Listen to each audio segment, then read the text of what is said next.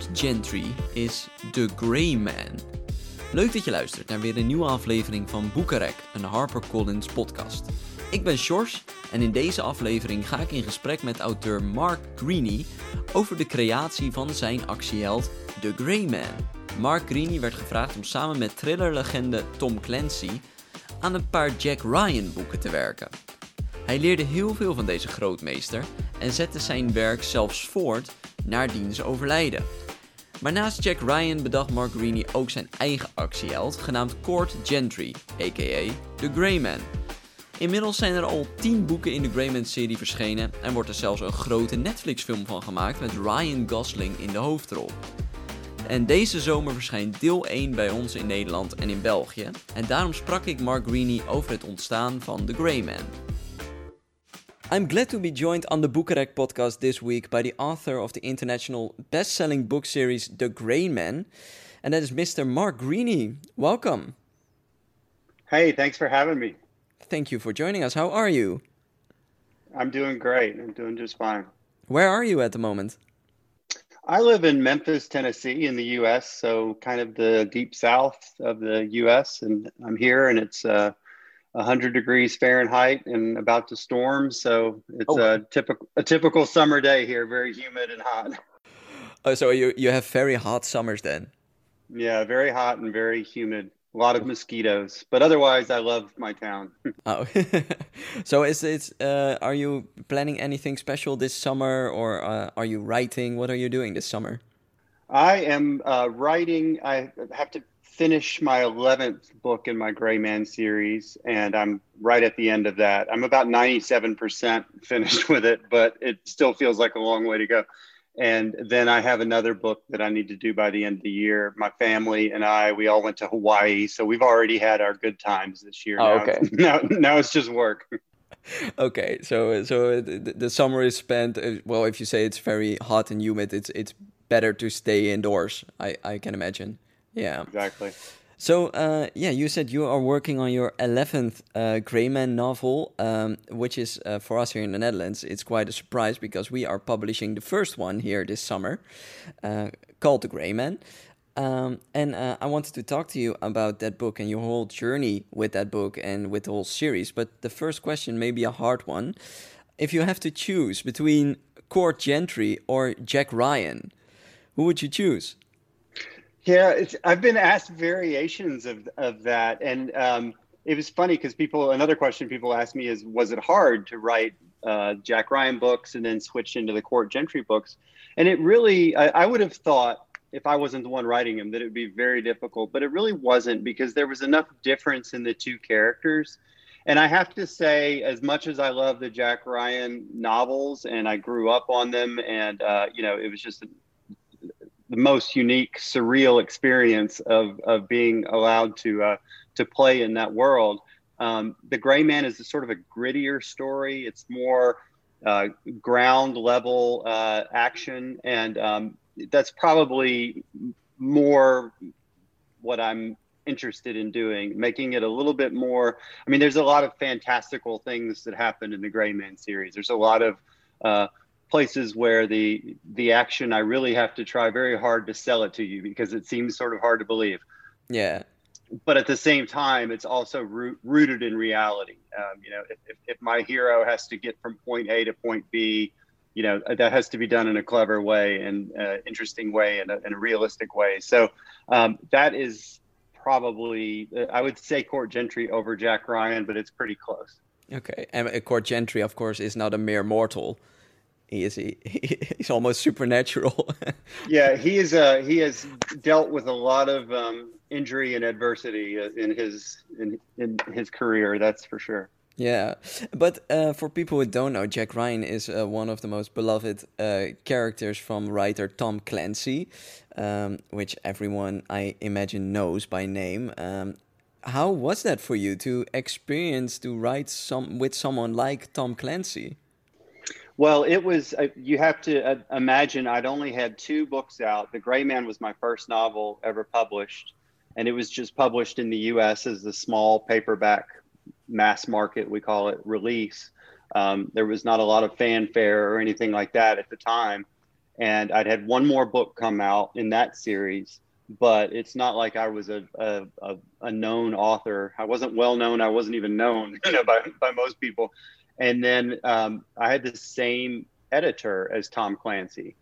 And the only reason I had the same editor as Tom Clancy was every other editor in New York turned down The Gray Man. And this one editor, who just happened to be Tom Clancy's editor, published it. And, uh, uh, you know, and he's pretty glad he did. And I'm pretty glad he did.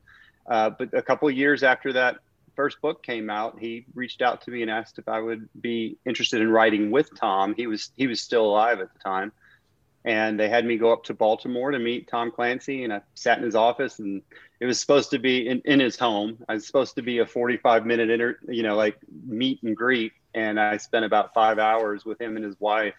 And uh, and then after that, they said okay. And uh, I wrote three books with Tom before he passed away, and then the family hired me to continue Jack Ryan for four more books after that. So it was seven books in six years, and I was also writing another series.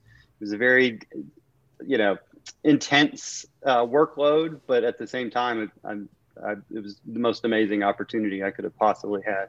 Yeah, I can imagine. But was that a plan to be grooming you to continue his series when when he passed? No, you know, I re- I've read stuff like that on the internet, but um, you know, I didn't, I didn't know that that he was going to pass away, and the last time I'd spoken to him before he passed away, he was pretty hopeful that things were going to be okay. Um, so there was not this plan that I would be the one to take over the Clancy series. I was the one that was writing books with him at that time. And then when he when he passed away, his his estate said, "Well, you know, this is the this is the guy that's written three books with him in the last three years. Uh, let's let's give him a chance to to write, you know, put the whole thing on his shoulders." Yeah, but I, I can imagine it must it must have been a, a, a wonderful experience to to be with someone like Tom Clancy. What what did you learn from him as a writer? Yeah, I, I've learned I learned so much, and and it really changed my writing as well. My books became a little deeper, a little more political. Uh, they became longer, which doesn't isn't necessarily um, something that's good for me as the writer because. Uh, I, I write longer books now, and then that's completely the Tom Clancy effect. Yeah. And uh, but but at the same time, I mean, he you know he really taught me that you can go wide and deep in a story. It's not you don't have to decide. Um, you can have a geopolitical story with the forty thousand foot view of the world and and and the map, and you can also have uh, you know a, a guy walking along an alley at night worried about the guy who's following him. You know, you can you can have all aspects that, that, really make a good story. And and honestly, I learned a lot of this by being a massive Tom Clancy fan since I was a teenager. And um, and then you know once once I met him and once I started working in that world, I had some, I guess, natural aptitude because I knew his books inside and out because I'd, I'd spent 25 years reading him. Yeah. Are there things when when you write the Gray Man books? Are are there things you think? Uh, well, Tom Clancy would have done this this way, or or did you do that in the past? Now you you you uh, you've written ten books, so I imagine you have your own rhythm and style. But are there some things you you looked up uh, for Tom Clancy to how he did that?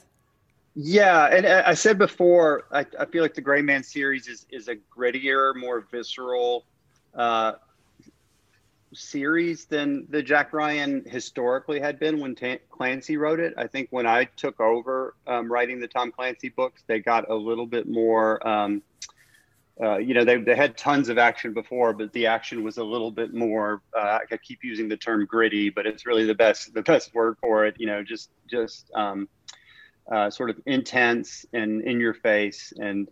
Uh, I, I like that. Um, and then if, when I write a Gray Man book, I, I know that uh, Jack Ryan wouldn't necessarily do some of the things that that Court Gentry does in the book, but it, it works for this series. Every book, every series or every book has to have its own um, kind of like physics, its, its own uh, way that the world works. Yeah, and uh, and then the Gray Man series and the Jack Ryan series are just a little different. Yeah, and the Jack Ryan, of course, has been done so many times on screen, off screen. There are a lot of iterations for that character, of course. But to but to get to the Gray Man, how how would you describe Court Gentry? Well, the the simple way to describe him is he's uh, a former CIA officer who uh, was in a paramilitary unit within the CIA called the Special Activities Division. Incredibly well trained, but he also has a strong moral compass. And you learn very quickly in, in the book The Gray Man that he's been burned by the CIA. He no longer works for them.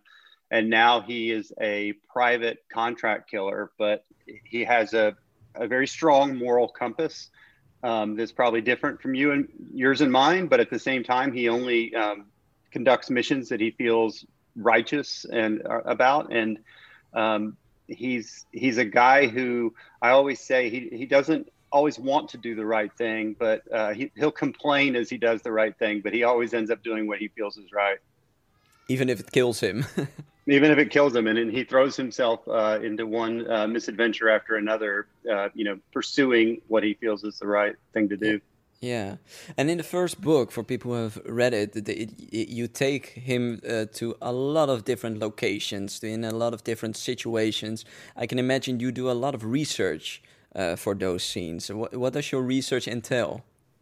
Yeah, uh, I, have gone to some sort of trip on. So I've published 20 novels now. I did seven Jack Ryan novels. I've done 10 Gray Man novels that have been published. And, um, and then I was the ghostwriter on a couple of books. And I wrote a military thriller, thriller that came out in 2019 and co wrote it.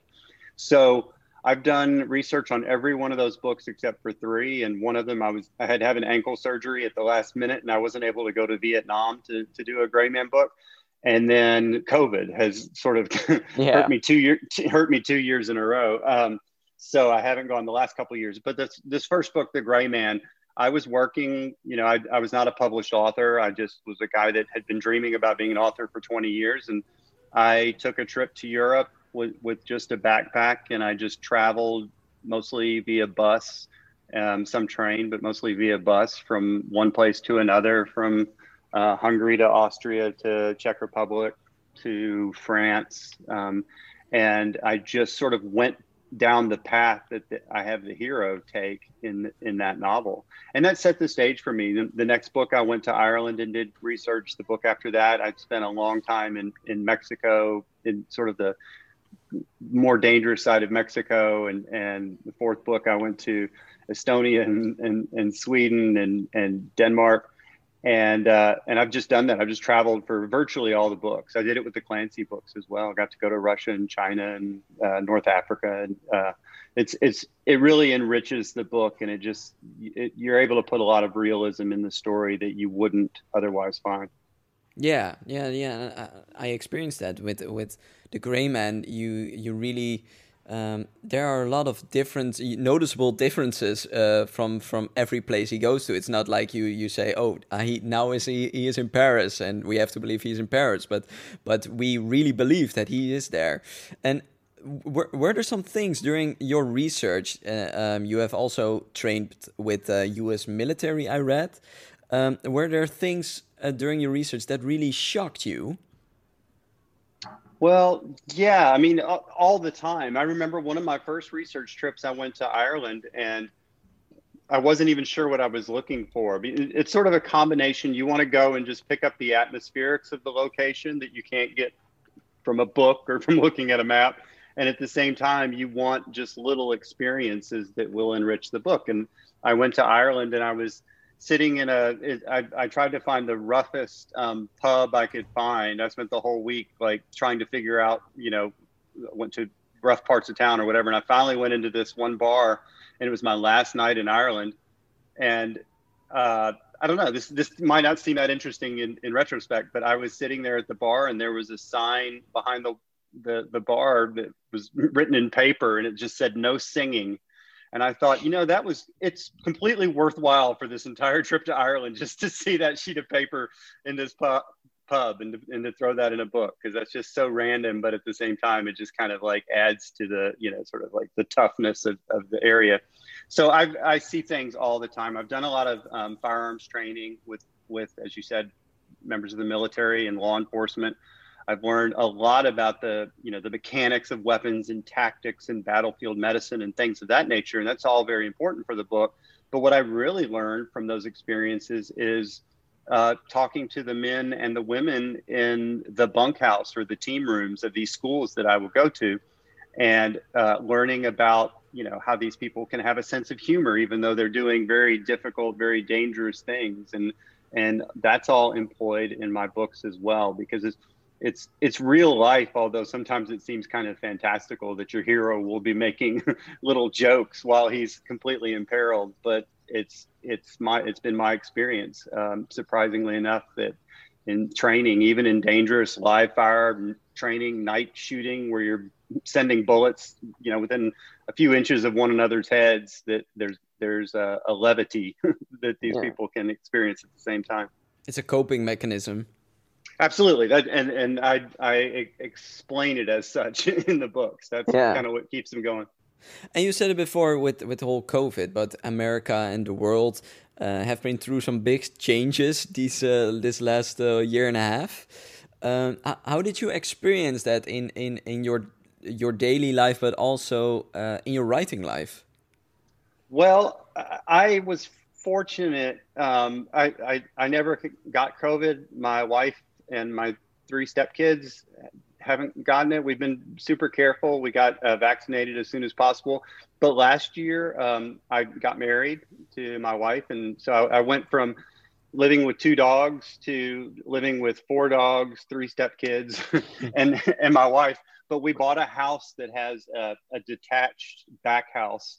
Um, and that's where my office is. So it's 30 steps from our main house to back here where I work. And it's the most beautiful thing to be able to just get away from all the other distractions and just be able to work. So I was very fortunate last year because normally I write in coffee shops or I write when I travel. And, you know, I spent a year at home, but I had this kind of sequestered place where I was able to work. And so, you know, I, I complained about all the restrictions and everything like anyone else did, but at the end of the day, I had nothing to complain about. It, you know, I have a I have a job where you can sit there and, and you don't, you know, need to be around people physically. I miss being around people, but but I can still do my job. Yeah, and it's the whole. Uh, you see a lot of books popping up right now uh, who are influenced by by by the, changes that happened this year. Uh, is there a Court Gentry book in the future uh, during uh, set during the COVID pandemic, or is that not for you? I don't think so. It's very funny that you asked that because last year when this all started, people, uh, you know, like friends who are authors were talking about, you know, uh, should should we introduce COVID to our books and all this.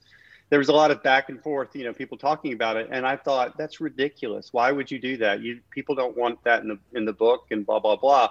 A year later, I was like, okay, they were right. I was probably wrong. This has become part of life, and and it is something that could be addressed. I haven't addressed it. It's not in my, you know, new book, the 11th book that I'm just finishing up.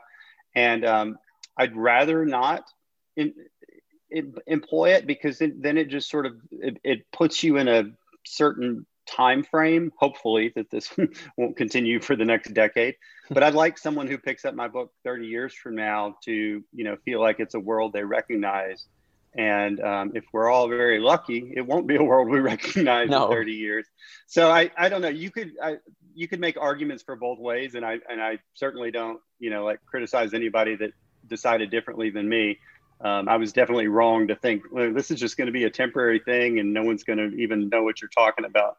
no. now that that's obviously not the case. Now, hopefully, it will end uh, sooner than we expect now. Uh, but there, there uh, besides your your 11th book and the book coming out here in the Netherlands, uh, there is also a huge Netflix movie being made, uh, which is set to be released uh, next year. Um, it's Netflix's biggest production ever. Um, how does that feel to to see your debut novel now being an, uh, being made into a Netflix movie? Well, it's still very surreal. Everything's been tampered by or, or tempered by the fact that uh, the the Gray Man novel originally came out in 2009, and I got a movie deal right away with it. So it's been in Hollywood bouncing around um, for 12 years, and there's been different actors attached and different directors and different plans, and it, to the point where last year it was about a year year ago this time when when Netflix made the big announcement that uh, Ryan Gosling and Chris Evans would be in it, and it would be their biggest production. That that day, I, had been hearing rumors about uh, Gosling and all the script rewrites and all these things for a long time, and I just really didn't believe any of it because I'd been hearing it for 12 years, and I was like, whatever. And then when it came out, I was like, I don't even know how to react now. And even and even now, I will just be sitting here at home and I'll watch some video from the shoot. They're in, they're in the Czech Republic right now, still filming, and um, I will see a street that I walked on with just me with a backpack, and I worked a full time job, but just took nine vacation days and went over to Europe. And I'll see that street, and I'll see a guy, you know, pretending to be the character from that I, you know, made up and wearing his clothes and, and doing the things that I have in the book. And it, it is incredibly surreal. It's, yeah. I'm not sure I'm able to, to express how weird that is to see that, but um, obviously it's a very good thing. And is, is Ryan Gosling the court gentry you had in mind? Yeah, he, I would say he absolutely was. He, um, you know, I didn't think about that until I saw Blade Runner 2049 that came out oh, yeah. a few years ago. And then when that came out, I thought there was just an amazing understatedness to the to the character that he played. Um, you know, he was tough and he was strong and he was interesting, but at the same time, it was the words he didn't say, the the looks, the pauses, and and the Gray Man in the series is not a flamboyant character. He's not uh, James Bond or something like that. He's he's a little bit more reserved, and um, and I thought that that Gosling would be a good character. He also sort of like fits the description as as well, which you know, it, an uh, an actor does not have to fit the description of a, of a character in a book to for the for the movie to be good, but um, he does that as well. Yeah. Well, we are really looking forward to it. I think now it's scheduled for summer 2022. And in the meantime, here in the Netherlands, we can enjoy the first Gray Man book and uh, hopefully soon all the other books. And I want to uh, wish you a lot of uh, luck with uh, finishing up your 11th novel. Uh, and thank you for joining me today on the podcast. Thank you so much for having me. I'm real excited to be published in, in the Netherlands. It's really going to be great. Ben je ook zo benieuwd geworden naar de avonturen van Court Gentry? The Grey Man onder schot van Mark Greene is vanaf 3 augustus overal verkrijgbaar. En dat was het weer voor deze aflevering van de Boekenrek podcast. En eigenlijk ook meteen de laatste aflevering van deze zomer. Want we gaan een maandje met vakantie. In september zijn we weer terug met onze nieuwe najaarstitels en gloednieuwe afleveringen. Ik spreek dan bijvoorbeeld met Nedra Tawab over haar boek Gezonde Grenzen en met Ashling Fowler over haar nieuwe middle grade sensatie Vuurbloed. Tot die tijd wens ik je een hele fijne zomer, blijf gezond en blijf vooral lekker lezen. Tot de volgende keer.